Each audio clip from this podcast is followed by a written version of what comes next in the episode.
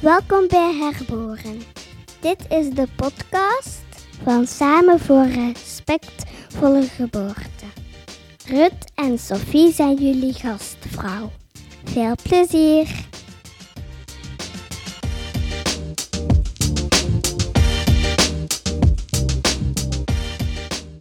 Je zei net, Noemi, dat um, over uw demografie en uw uh, witte middenklasse vrouw zijn en het actief opkomen voor bepaalde rechten, daar heb je het net kort over gehad.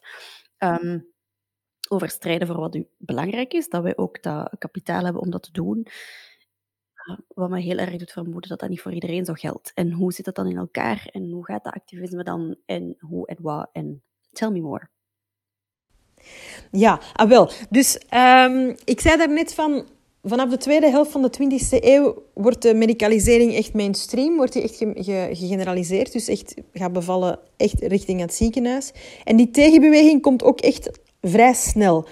Um, eerst begint dat zeer klein. Ik heb het over het Westen nu op dit moment. Hè. Dat begint redelijk klein. Dus je, um, je, je zag bijvoorbeeld in de jaren 60 al zag je in uh, een vrouwenblad, een bekend vrouwenblad, maar ik ken de naam even niet, in Amerika anonieme brieven tegen de zogenaamde twilight sleep. En twilight sleep, dat was een procedé waarbij dat mensen van zo gauw dat ze kwamen bevallen met, met, met weeën, dat zij um, een soort sedatiemiddel kregen, waarin ze een soort twilight sleep belanden, ja, wat dat eigenlijk een soort mistige toestand was, um, waardoor dat je alles niet meer zo bewust meemaakte. Voor de liefhebbers van Mad Men, in het derde, in derde seizoen zit er een aflevering waar dat Betty zo bevalt en die heet The Fog.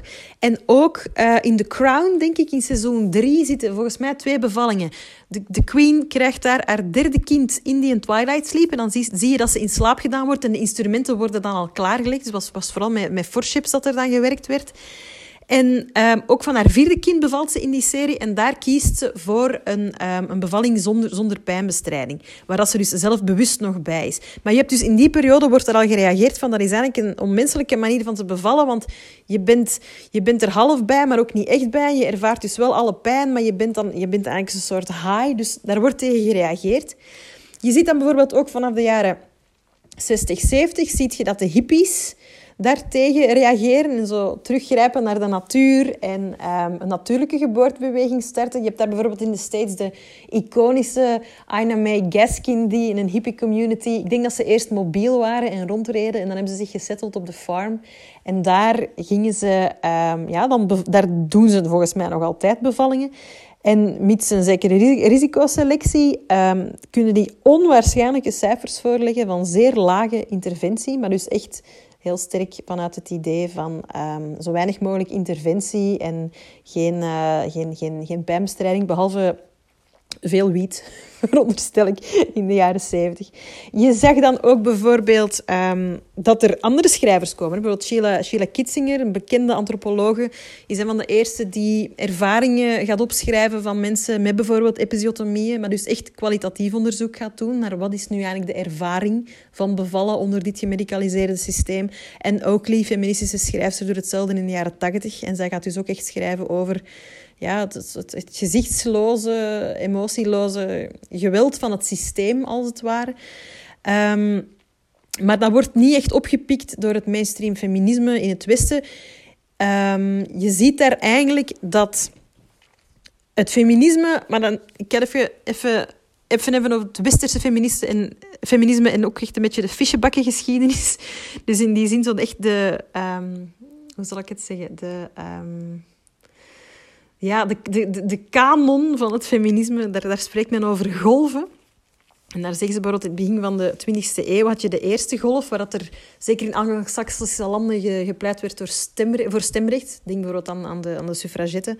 Uh, België heeft dat gekregen in 1948 voor de vrouwen, dus men heeft daar toch wel even op moeten wachten. Um, en ook sociale rechten, dat is begin 20e eeuw. En die tweede golf, die moet je rekenen rond de jaren 70. Um, ehm, dat is een een, een, eh, een, een, dat is een evolutie waarbij dat, dat men meer en dat de feministen gaan pleiten voor het recht om te, om te werken, net, zo, net zoals mannen, om toch iets um, om, om toch losser te kunnen komen van echtgenoten bijvoorbeeld, door het glazen plafond te breken, tegen seksueel geweld, het recht op uh, vrije verdeling van anticonceptie, van abortus, ook daarop moeten wachten tot 1990, maar dus om, om seks los te maken van um, reproductie. Dus dat is echt zo het, het tweede golfdenken.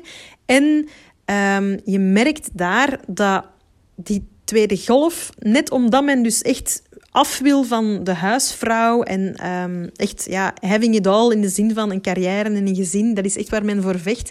Daar zit een zekere matrofobie in. Dus een angst voor het moederschap, om opgesloten te worden in, in, de, in de huiskeuken. Uh, men wil echt vrouwen op het publieke toneel krijgen, op, op, uh, de, echte, op de echte scène, waar zogezegd de echte geschiedenis zich afspeelt. En dus alles wat dat zorgen is en um, al die lichamelijke toestanden, zoals menstruatie en bevallen, dat wordt zo weggeduwd. Dat namen ze er maar bij, daar moest je niet over zeuren, want anders kwam je niet vooruit. Um, en men wil dus zoveel mogelijk weg van ja, zo die, die biologische determinatie.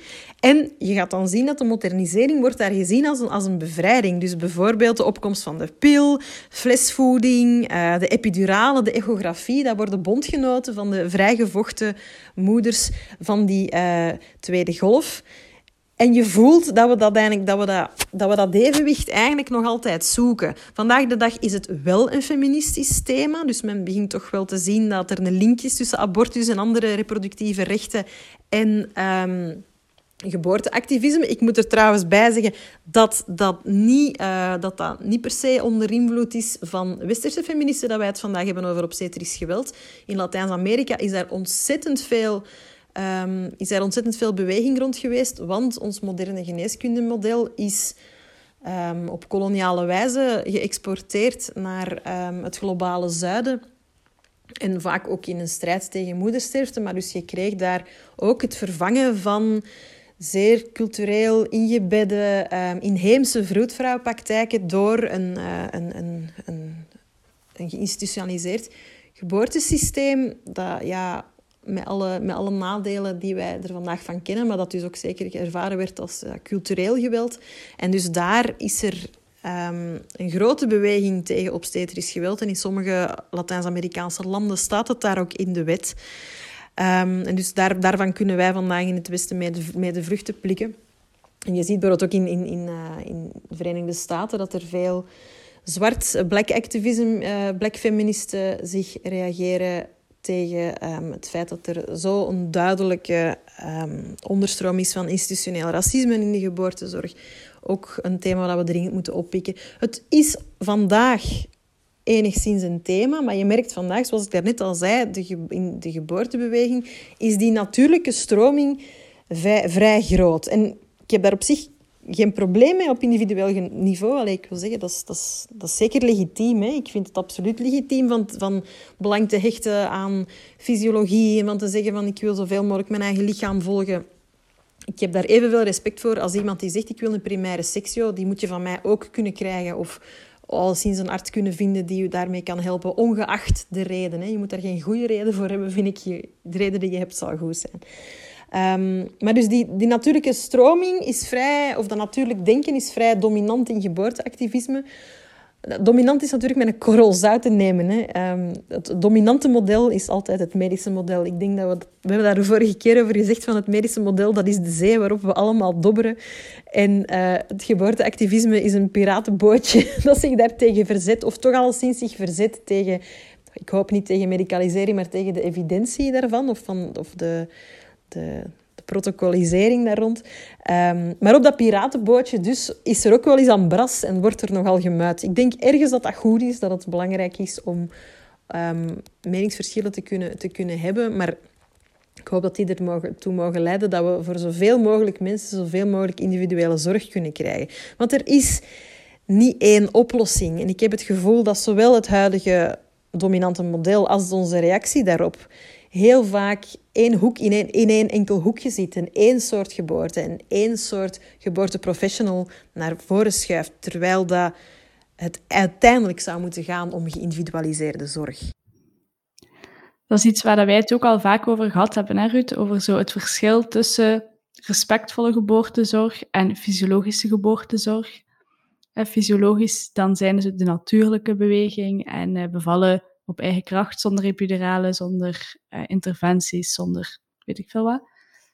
Ehm, en dat dat niet gelijk is aan respectvolle geboortezorg. En dat je inderdaad evengoed een heel medische geboorte kunt hebben, om welke reden dan ook, die super respectvol is en een heel positieve ervaring waarin dat je je als mens volledig gehoord hebt gevoeld en gezien en gerespecteerd. En dat je ook thuis kunt bevallen en een heel negatieve ervaring kunt hebben gehad met obstetrisch geweld. En dat dat allebei bestaat en dat het daarom echt niet over dezelfde lijn te, te kammen valt. Nee, en vooral ook omdat, dat merken we ook wel, dat er binnen uh, het gesprek over respectvolle geboorte, dat er ook een, een insteek is met respect voor de baby. En, en dat, dat, dat dat nog zo'n nog een andere stroom is. En, en bedoel je dan um, respect voor de baby die geboren wordt en de ervaringen die die heeft? Of bedoel je dan uh, we moeten als zorgverleners de advocate zijn voor die foetus die geboren wordt. En we moeten die beschermen tegen de gekke wensen van de moeder. Want dat lijkt soms wel eens wat dat geboorteprofessionals denken dat ze moeten doen. Die stroming is er ook. Maar ik bedoelde vooral inderdaad de beleving van de baby in het geboorteproces. En uh, de invloed op het latere leven of op je leven. Dat dat ook een, een stukje is waar dat activisme rond bestaat. Wat dat waarschijnlijk ook terecht is. Maar dat die dingen, die lijken nu niet verenigbaar, hè? Ja, voor mijn insteek, wat dat een soort rights-based activism is, is het ook niet verenigbaar. Want ik denk dat je, als je echt vanuit uitgaat van fundamentele rechten, waartoe dat de patiëntenwet ook echt absoluut uh, oproept, dan is degene die bevalt degene die beschikt over het eigen lichaam. En dus beschikt, beslist over het eigen lichaam en daarmee dus ook over het kind. Want, en dat begint het koud te klinken, het kind is geen rechtspersoon mag het ook echt niet worden?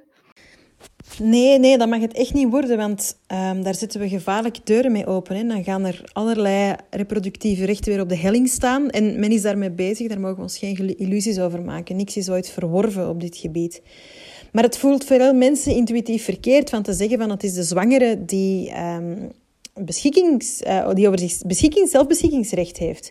Want het dominante idee is het omgekeerde. Heel veel zorgverleners zijn overtuigd dat zij moeten opkomen voor de baby. En als er dan een zwangere komt die zegt van ja, maar ik wil mij nu nog niet laten inleiden op, mijn, um, op, op een week na mijn uh, uitgerekende datum, wil nog eventjes wachten. Of iemand met, zwang, met zwangerschapsdiabetes die misschien um, het opgelegd protocol weigert.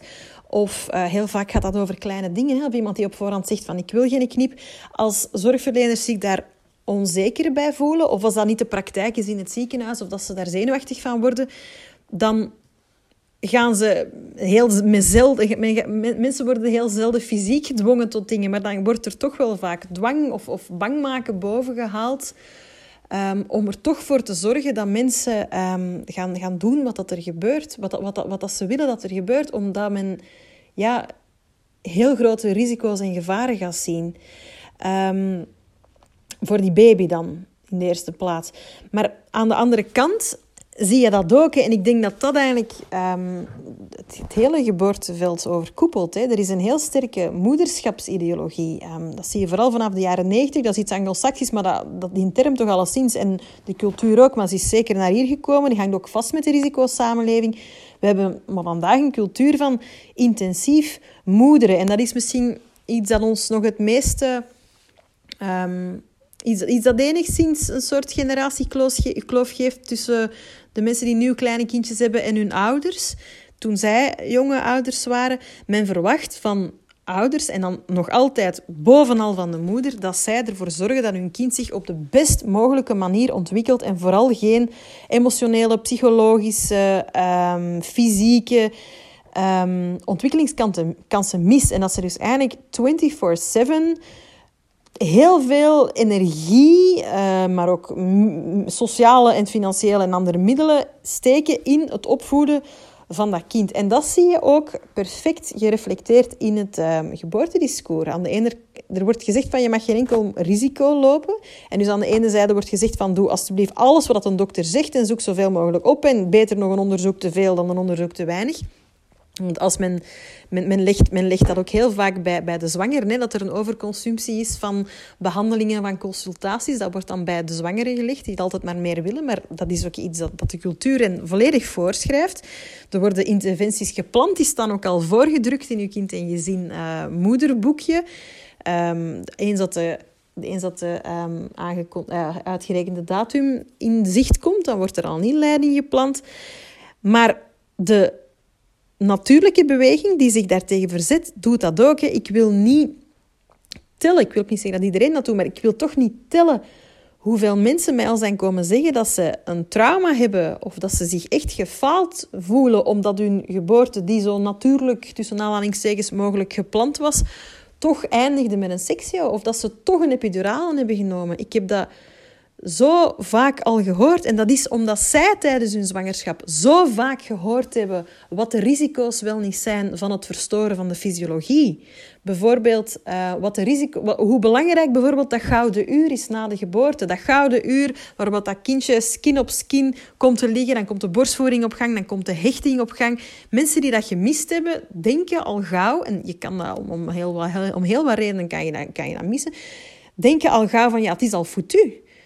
Maar wat heb je aan zo'n discours? Zo'n mega determinerend verhaal van een gouden uur is quasi levensbepalend voor alles wat erna komt. Wat heb je daaraan met een kindje op neonato? Um, ik denk dat het echt belangrijk is dat we de ene normering niet door een andere vervangen in een andere richting. Um, en ik denk dat dat vaak heel goed bedoeld is, daar niet van. En ik denk ook dat er helemaal niks mis is om de voordelen van bepaalde praktijken naar voren te schuiven. Maar het is wel belangrijk dat wij die niet voor, dat we niet voorstellen dat als, als je dit niet doet, dan loopt het mega mis.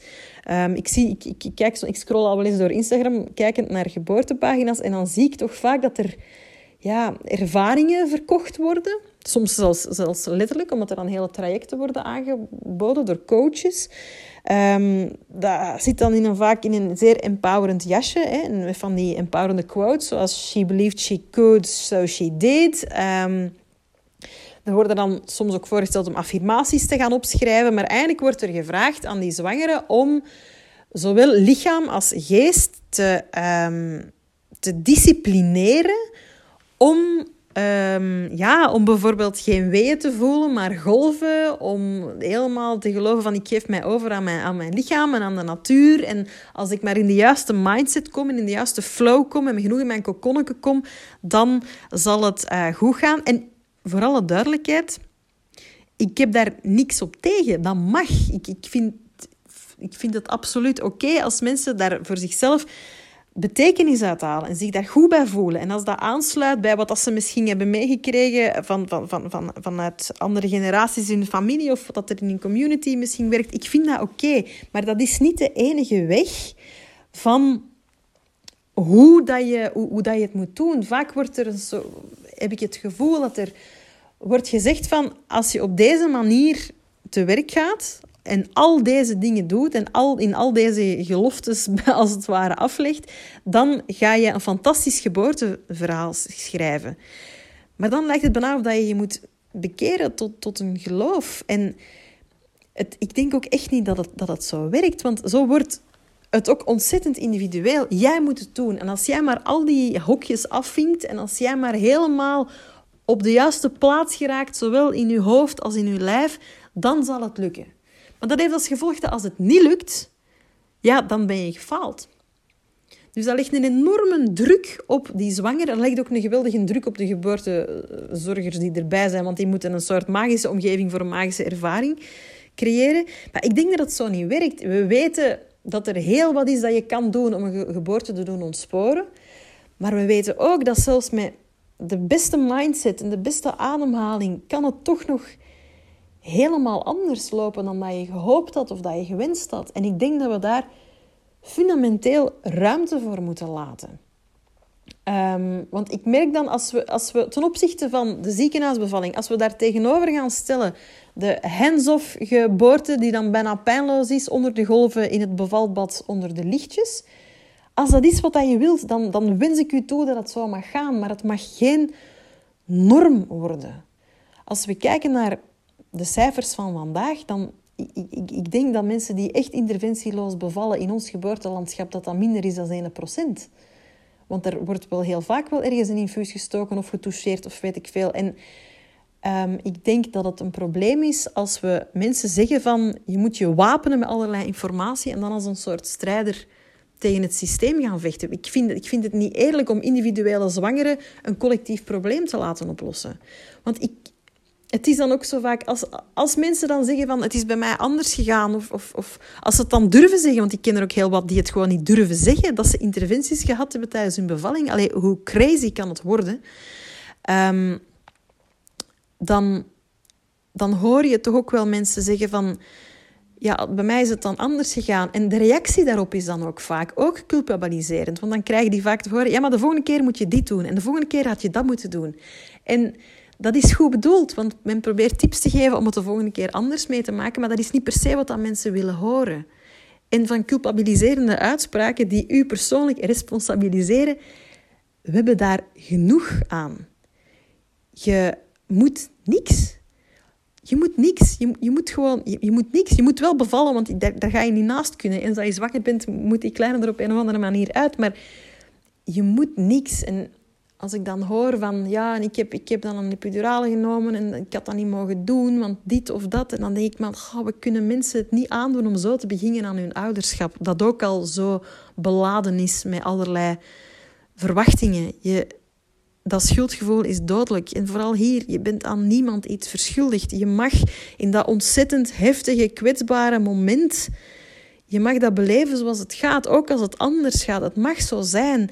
En again, al die dingen die ik net genoemd heb, die mogen... Je mag, daar, je mag betekenis hechten aan wat je wilt. Ik vind dat helemaal oké als mensen daarin geloven en als dat voor hen werkt, des te beter. Maar ik vind het problematischer als er um, voorgeschreven wordt dat je maar ergens vanuit diep uit jezelf je vrouwelijke kracht moet gaan vinden. Um, ten eerste zijn er heel veel mensen voor wie dat dan niet zou werken, omdat zij zich daar niet mee identificeren. Maar ook dan wordt het allemaal bij één iemand gelegd en dan wordt het op een manier religie. Dat je je kan, dan kan je het goed doen of dan kan je het slecht doen. En ik denk, daar hebben we nog werk. Daar hebben we allemaal nog werk. Daar heeft het hele geboorteveld nog werk. Hoe gaan we om met het feit dat er overdonderde ouders zijn die al overdonderd worden met allerlei verwachtingen van de samenleving vanaf dat ze zwanger zijn of vaak nog voordat ze zwanger zijn. Ik, ik wil de verhalen niet tellen van mensen die in fertiliteitstrajecten zitten, die heel vaak dezelfde problematieken meemaken.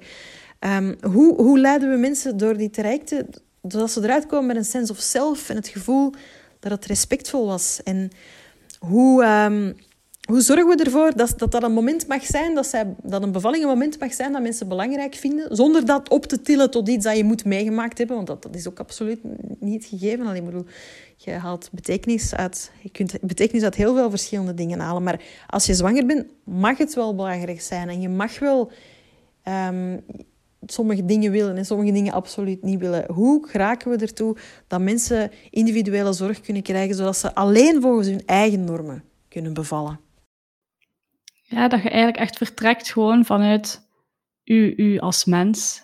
In de plaats van een, een soort het ene waarbij dat je gaat kijken in het medische dan van het, het interne, daar is het gevaar en dat moet extern gemanaged worden. Of in het alternatieve, tussen aanhalingsteken, het externe is het gevaar en dat moet intern gemanaged worden. En dat je dan dat je dat los kunt laten, inderdaad, dan komt er meer ruimte terug voor het gewoon op je eigen manier te beleven. En komt er een soort van neutraliteit, hoop ik, waarin dat je wat er is, kunt zien voor wat het is. In de plaats van het dan heel hard uh, ja, al met vooropgelegde ideeën te gaan beladen. En het voor jezelf te kunnen gaan invullen. Wat, wat voelt, hoe voelt dat nu voor mij, los van wat ik denk dat het moet zijn of wat ik denk dat ik moet doen. Ja, ik, ik zit echt heel erg te knikken. En ik ook. Ja, ik denk echt dat het zo belangrijk is om ruimte te laten voor de, de onvoorspelbaarheid en voor ja, de kwetsbaarheid. Hè. Dat je, ik, zeg, ik geef maar het voorbeeld van, stel nu dat je had je voorgenomen van, um, ik, ga mijn, ik ga mijn weeën, ik ga dat als golven zien en ik ga proberen daarop te surfen en ja, ik laat mij meestromen en ik voel het als een kracht en niet als een pijn en ik, ik, ga, dat, ik ga dat op die manier proberen te benaderen. Ja, bon, stel dat je dan in een weestorm belandt en het doet echt gewoon fucking veel pijn. En je denkt, oh nee, je raakt toch overspoeld. En je eindigt dan toch ja, dat het blijft duren, dat je, dat je uitgeput bent. Of, of dat je het gewoon echt zegt van, oh, ik kan dit niet, ik wil nu een epidurale. Dat kan, dat kan. Als je dat nog niet gedaan hebt, dan... Of je hebt het misschien wel gedaan, elke bevalling is anders. Dat kan en daar moet ruimte voor zijn. Daar moet, daar moet zuurstof voor zijn dat dat kan. En dat je dat daarna kan vertellen zonder dat je iets verkeerd gedaan hebt of gefaald zou hebben. Of niet, genoeg, niet goed genoeg geademd zou hebben of niet genoeg gesurfd. En ik, ik zal nog eens zeggen, iedereen mag echt dromen. Je mocht zeker dromen van een mooie bevalling en die visualiseren. Ik wens ze voor alle duidelijkheid iedereen toe. Maar we mogen, denk ik, in het streven daaraan, we mogen, daarnaar, we mogen mensen niet de jungle insturen met de boodschap van ja, maakt u maar eens een droombevalling eigen. We kunnen een collectief probleem, we kunnen dan niet aan een individuele zwangere in die kwetsbare periode van het leven geven om dat op te lossen. Ik denk aan mijn laatste bevalling die wordt altijd gezien als een overwinning op het systeem. Ik, ik had een, een vaginale bevalling na een sectio, maar dat, dat vriendje lag waarschijnlijk misschien met zijn hoofdje een beetje scheef en die bleef dus een hele tijd hangen. En we waren dan van thuis naar het ziekenhuis gegaan en daar bleef die ook nog een hele tijd hangen. En op een gegeven moment ja, werd het, het, het zeer laat op de avond en de gynaecoloog die er niet was, wou denk ik gaan slapen. En um, kreeg dan de vroedvrouw aan de lijn die dan over mijn hoofd tegen mijn eigen vroedvrouw zei, want het moet nu allemaal gebeuren. En ik, ik zelf werd niet aangesproken. En ik ben die sectio, die mij dus werd opgelegd door een, door een arts, die dus echt zei van ik wil een sectio komen doen. En ik dacht, ja, nee, ik wil op zijn minst dat gesprek daarover hebben. En ik ben dat dus echt blijven weigeren. Heel erg koelbloedig, maar dat was echt een gevecht. En dat was eenzaam en dat was niet leuk. En dat, ja, dat was... Dat was dat kind is geboren, ook zeer vlot uh, uiteindelijk, met minimale schade. Dat was een heel grote baby, maar is toch eigenlijk vlot gegaan. Maar dat was, geen, dat was niet tof, er was, geen blijheid op dat moment. Er was alleen maar opluchting van, oh, deze verschrikkelijke spanning is eindelijk voorbij. En er was geen open gesprek mogelijk. Er was, geen, er, er was op dat moment geen gesprek van mens tot mens. Er was de, we konden geen, de vroedvrouw van het ziekenhuis kon geen gesprek hebben en zeggen van ja, ik sta wel onder druk van de gynaecoloog. Die gynaecoloog die was er ook niet om het menselijke gesprek te hebben van ik word hier enigszins zenuwachtig van of ik ben misschien moe of weet ik veel. Dat gesprek was er niet om te hebben. En dat is dan zo pijnlijk, want je voelt dan allerlei druk en allerlei dwangen en ultimatums achter de, achter de schermen, maar dat wordt niet uitgesproken. En ik denk dat zoveel mensen dat ervaren. Hè. Ik, er, er, is, ja, er is echt ik denk dat we echt mogen spreken van een probleem als er heel veel mensen zijn die zeggen van ik heb mij zo overweldigd gevoeld tijdens, tijdens mijn bevalling en daar bij hun omgeving geen enkel begrip over oogsten, want ja, bevallingen zijn nu allemaal stom. En als ze dat bespreken bij hun zorgverlener, dan krijgen ze meestal een hele lijst van redenen waarom dat, dat allemaal nodig was wat er gebeurd is. Maar heel vaak is er ergens een muur en is er heel weinig gesprek mogelijk om te zeggen van, ja, we hebben dat hier samen meegemaakt. Hoe was dat voor u? Hoe waren wij daar samen als mensen? Maar het, het systeem is daar altijd met u en er is heel weinig ruimte. Als je dan gaat, um, kijken naar mensen die het drama meemaken, hè, die, die dus, die dus um, minder goede uitkomsten of, of slechte uitkomsten hebben, wat dan een verschrikkelijk woord is voor tragedies. Um, die, zich dan, die zich dan vragen stellen hoe dat, dat is kunnen gebeuren. En die dan, ik ken, ik ken er een paar die dan echt zeggen van ja, ik probeerde dat dan te bespreken met mijn zorgverleners, maar daar was gewoon geen, er was geen gesprek mogelijk. Ik botste echt op een muur, want we zaten daar niet meer als mensen. Want mijn zorgverleners zaten daar met een mindset van ik mag hier niet te veel zeggen, want dan beken ik misschien schuld. En biedt gaan die ouders procederen. En ik ken mensen die geprocedeerd hebben en die, ik ken er meerdere, want ik zit in zo'n paar van die... Het zijn internationale voorbeelden, hoor. ik zit in een paar, een paar van die, van die Facebookgroepen. Mensen die zeggen van ik, um, ik zou het niet gedaan hebben. Ik, zou niet, ik wou niet naar de rechtbank. Dat bracht mijn kind toch niet terug. Ik, ik had gewoon de erkenning nodig. Dat er daar dingen misgegaan zijn. Maar dat is dan zo moeilijk, want dan, dan bots je echt op de zwijgcultuur sowieso over, over, over grensoverschrijdend handelen sowieso. Maar dus ook, er is behoorlijk een soort omerta over het feit dat het ook soms misgaat in het ziekenhuis. Want er wordt heel vaak gedaan van de thuisbevalling, dat is bevallen uh, zoals, in, in het kriebeke, maar ook in het ziekenhuis kan het, kan, het, kan, het, kan het wel eens misgaan. Ook al is het hele systeem erop gericht om dat, om dat te vermijden. Maar er is soms geen arts aanwezig. En er lopen heel veel kapotgewerkte assistenten rond die 70 uur per week onderbetaald moeten werken. Ehm, en dat blijft altijd mensenwerk en het is ook niet onfeilbaar. mensen zijn niet onfeilbaar, maar het is ontzettend pijnlijk dat dat gesprek heel zelden mogelijk is. Er zijn dan mensen die zeggen van ik wou eigenlijk gewoon erkenning voor wat dat er gebeurd is. En die er niet in sloegen om um, een gesprek te hebben bij hun zorgverleners waarbij ze elkaar in de ogen konden kijken en zeggen van dat is er gebeurd. En dan hoor je heel vaak vanuit, vanuit, vanuit, uh, vanuit gynaecologenhoek zeggen van ja, er is echt een litigatiecultuur. Die ouders van tegenwoordig die procederen om het minste. Ik ben daar niet per se van overtuigd. Litigatiecultuur uit zich ook in het feit dat um, er weinig menselijk gesprek mogelijk is over hoe dat het gaat. En dat, dat, dat, er, dat het gesprek niet mogelijk is tijdens een bevalling van... Ik voel mij hier nu... Dat een zorgverlener niet kan zeggen van... Ik voel mij hier nu eigenlijk niet meer zo goed bij. Ik word hier onzeker van. Ik word hier eigenlijk een beetje bang van. Dus ik zou dit willen doen. Dat gesprek wordt niet gehad. Er wordt dan meteen vaak gedreigd met allerlei gevaar of met, met andere dingen die moeten gebeuren. Maar ik denk dat het echt heel belangrijk is dat we ruimte creëren, ook voor zorgverleners, hè, om meer als mensen, als, als feilbare mensen, um, daarin te kunnen staan. En los, los daarnaast uiteraard het pleidooi voor een zorg die hoger gewaardeerd wordt en mensen die minder uren moeten kloppen en meer individuele zorg mogelijk maken. Minder van kamer tot kamer rennen, minder administratieve, administratieve druk, minder protocoldruk. Maar ja, dat spreekt voor zich. Allee, voor ons toch we willen ook zo um, soms de vraag stellen, maar we verwachten daar zeker geen sluitend antwoord op of zo. Hoe, hoe gaan we daar dan naartoe, naar meer respectvolle geboortezorg? Hoe gaan we dat nu doen? En dat moet echt geen uh, oplossing zijn voor alles, hè, maar gewoon zo één iets dat als we daar al iets aan kunnen veranderen, dat we echt al een, een stap nemen naar meer respectvolle geboortezorg. Heb je inspiratie? Ah, wel, ik denk aan een pilootproject in de UK, dat ze dan een tijd geleden begonnen zijn, maar ik heb niet meer gevolgd hoe het er verder mee staat. Ze hadden daar een bevalkliniek um, opgericht, specifiek voor mensen um, die seksueel geweld hadden meegemaakt. En ik vond het heel interessant, maar ook wel wat contradictorisch, want dat werd dan zo gezegd van ja, speciaal voor deze doelgroep is er dan speciale omkadering en zorg. Tegelijk denk ik van ja, dat is weinig laagdrempelig, want om die zorg dan te krijgen moet je je al outen als een survivor van seksueel geweld. Dan weet hele omgeving dat als je daar naartoe gaat, moet je daarover praten met mensen. Dus dat is helemaal niet zo evident. Maar anderzijds ben ik wel ontzettend geïnteresseerd in wat dat men daar dan en ik weet het dus niet, wat dat men daar dan deed. Ik kan alleen maar speculeren dat men daar zeer individuele zorg biedt met veel aandacht voor um, consent en lichamelijke integriteit. En ik denk dan Waarom kunnen we zoiets niet als pilootproject uitrollen voor iedereen? Wetende dat 1 op 4 het meemaakt um, in hun leven.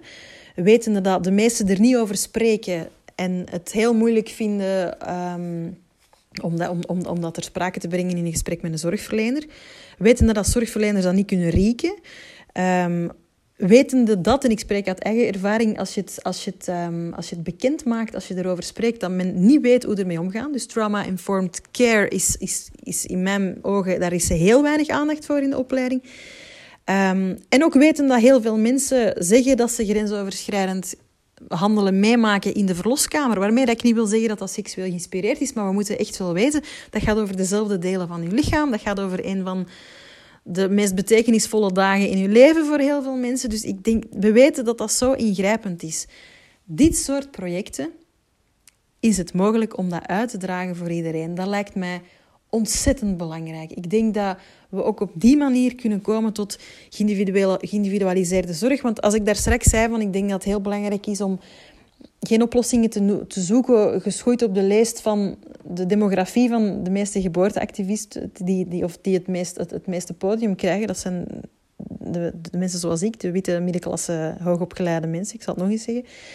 Um, want dat soort, dat soort uh, oplossingen, en ik begrijp het, hè, want hoe, hoe, hoe, hoe moet je daarmee omgaan? Ik weet het soms ook niet hoor, wat ik moet zeggen tegen mensen die zwanger zijn en die zeggen van ja, ik maak me zorgen over mijn bevalling en, en hoe moet ik het gaan aanpakken. Ik weet ik ben soms ook lost for words om te zeggen van wat dat die moeten doen. Ik wil heel graag zeggen van, goh, vertrouw gewoon op je zorgverlener en gaat ervoor. Maar we weten dat je heel vaak ook de zorgverlener van wacht tegenkomt die je niet kent. We weten dat, dat, dat, um, ja, dat er geen cultuur is van, van, van, van geïndividualiseerde zorg. Dat er weinig tijd en ruimte is om te luisteren. Dus ja, hoe kun, wat kunnen we daaraan doen? En ik denk dan van...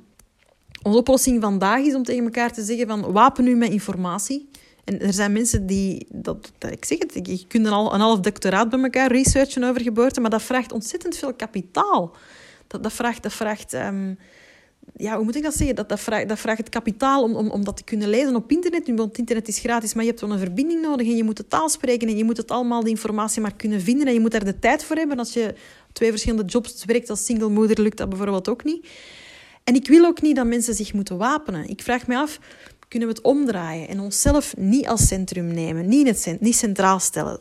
En kunnen we misschien als, als als, als basis voor ons geboorteactivisme kunnen we misschien vertrekken vanuit een jong iemand die, die zwanger is, die een vluchtverhaal heeft, die de taal niet spreekt, die niemand kent en die verschijnt op de drempel van een ziekenhuis, die um, geen prenatale zorg heeft gehad, die geen affirmaties heeft, die niet veel gelezen heeft over bevallen, die weeën heeft en, die bang is en die zich alleen voelt. Kunnen we daar vertrekken? Wat heeft die nodig? Wat kunnen we voor zo iemand doen? Hoe kunnen we voor um, zo, iemand die ik net beschreef, een zwangere die ik net beschreef, en er zijn er tal van anderen die hun eigen noden zullen hebben, maar hoe kunnen we vanuit de meest kwetsbare mensen vertrekken en hoe kunnen we hen warme, respectvolle, niet overschrijdende zorg bieden? Wat voor een omgeving hebben we daarvoor nodig? Ik denk als we daar vertrekken, dat het voor iedereen goed zal zijn. Ik ben zo'n blijdkoos, hè. ik vond het echt heel mooi. Ik het wel helemaal voorstellen, Sophie. Ja, ja, inderdaad. Ik ook. Ik denk direct aan, aan mama's die ik heb gezien. En ik denk, oh, dat zou zo ja. betekenisvol geweest zijn. Ja. Ja, er komen ze direct mensen naar voren waar ik aan denk, die daar echt nodig hadden. En verhalen um, die we al gehoord hebben via andere vroedvrouwen, van inderdaad ook echt situaties waarin dat, dat totaal nieuw was, maar dat is zo'n mooi vertrekpunt dat helemaal niet vaak genomen wordt. Hè? Want vaak gaat het juist wel ook vanuit de ouders te bekrachtigen om dan uh, assertief te zijn en uh, voor hunzelf op te komen en de, de zorg te vragen waar ze recht op hebben en zo. Maar het is, het is echt helemaal het omgekeerde doen. En ik vind dat wel... Ik denk dat je daar veel verder mee komt uiteindelijk. En allee, iedereen meekrijgt, inderdaad, als je dat op die manier kunt doen. Ja, en het hoeft elkaar ook niet uit te sluiten. Hè. Het kan elkaar ook aanvullen. Ik verzet mij gewoon echt tegen dat neoliberaal denken van... We gaan hier een individu uh, naar buiten sturen die het probleem moet oplossen dat zo algemeen is. En dan nog een zwanger individu. En dan mag je nog zoveel kapitaal hebben, cultureel of ander. In de verloskamer ben je toch de onderdog. Heb je toch uh, geen macht, om, om het met een steriel woord te zeggen, maar je maakt ook voor veel mensen een, een, een heftige, wilde ervaring mee. En ook de meest belezen, de meest geaffirmeerde persoon blijft daar ook nog wel kwetsbaar. Het, is, het is zoals in seks, consent is kei belangrijk.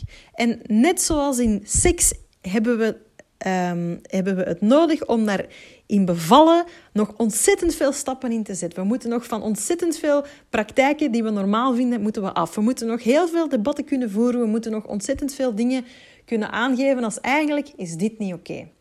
Maar dan hoop ik dat als we al die stappen kunnen zetten, niet in de slaapkamer, maar ook in de bevalkamer, kom je er niet met een soort gepetonneerde consent die je dan zwart op wit op voorhand al kan geven. Het zal altijd een kwetsbaar, moment zijn. En dat wens ik, dat als je mij vraagt wat mijn dromen zijn, dat, dat wens ik. Dat we, als kwetsbare momenten, dat we als kwetsbare mensen kunnen gaan bevallen bij kwetsbare zorgverleners.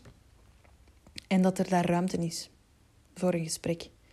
En dan denk ik, als daar ruimte is, en ik, wil zeggen, die, die moet echt geschapen worden hè, door, door culturele omslag, maar ook echt door een injectie van, van, van middelen in de zorg en een soort een, um, ja, mentaliteits mentaliteitsrevolutie als het ware. Ja, dat, dan komen we wel ergens. Dat lijkt me een heel mooie droom. Beste luisteraars, bedankt om te luisteren naar deze ongelooflijk boeiende dialoog, die af en toe misschien wat verder ging dan we voorspelden. Maar hey, daarvoor zijn we hier. Ik hoop dat jullie ervan hebben genoten, net zoals wij. Als jullie vragen hebben of opmerkingen, jullie weten ons te vinden. uh, via Facebook, Instagram, ons e-mailadres. Het zal zo dadelijk nog eens mooi herhaald worden door mijn prachtige dochter. En tot de volgende keer. Wil jullie super bedanken dat ik hier mocht zijn. Het is een gesprek dat heel veel kanten op ging, dat heel duidelijk maakt dat we het hier echt een hele week over kunnen hebben. Ik hoop dat het voor de luisteraar duidelijk is dat, we, dat, er, dat er heel veel voedingsbodem zit en dat we misschien als we soms heel sterk één kant op gaan, dat we ook naar die andere kant ook zeker willen exploreren. Dus ontzettend benieuwd naar het vervolg van deze podcast. Super merci. En als jullie als luisteraar nog iets willen eh, delen hierover of bedenkingen willen meedelen of extra vragen hebben of wat dan ook, uh, laat het ons dan weten.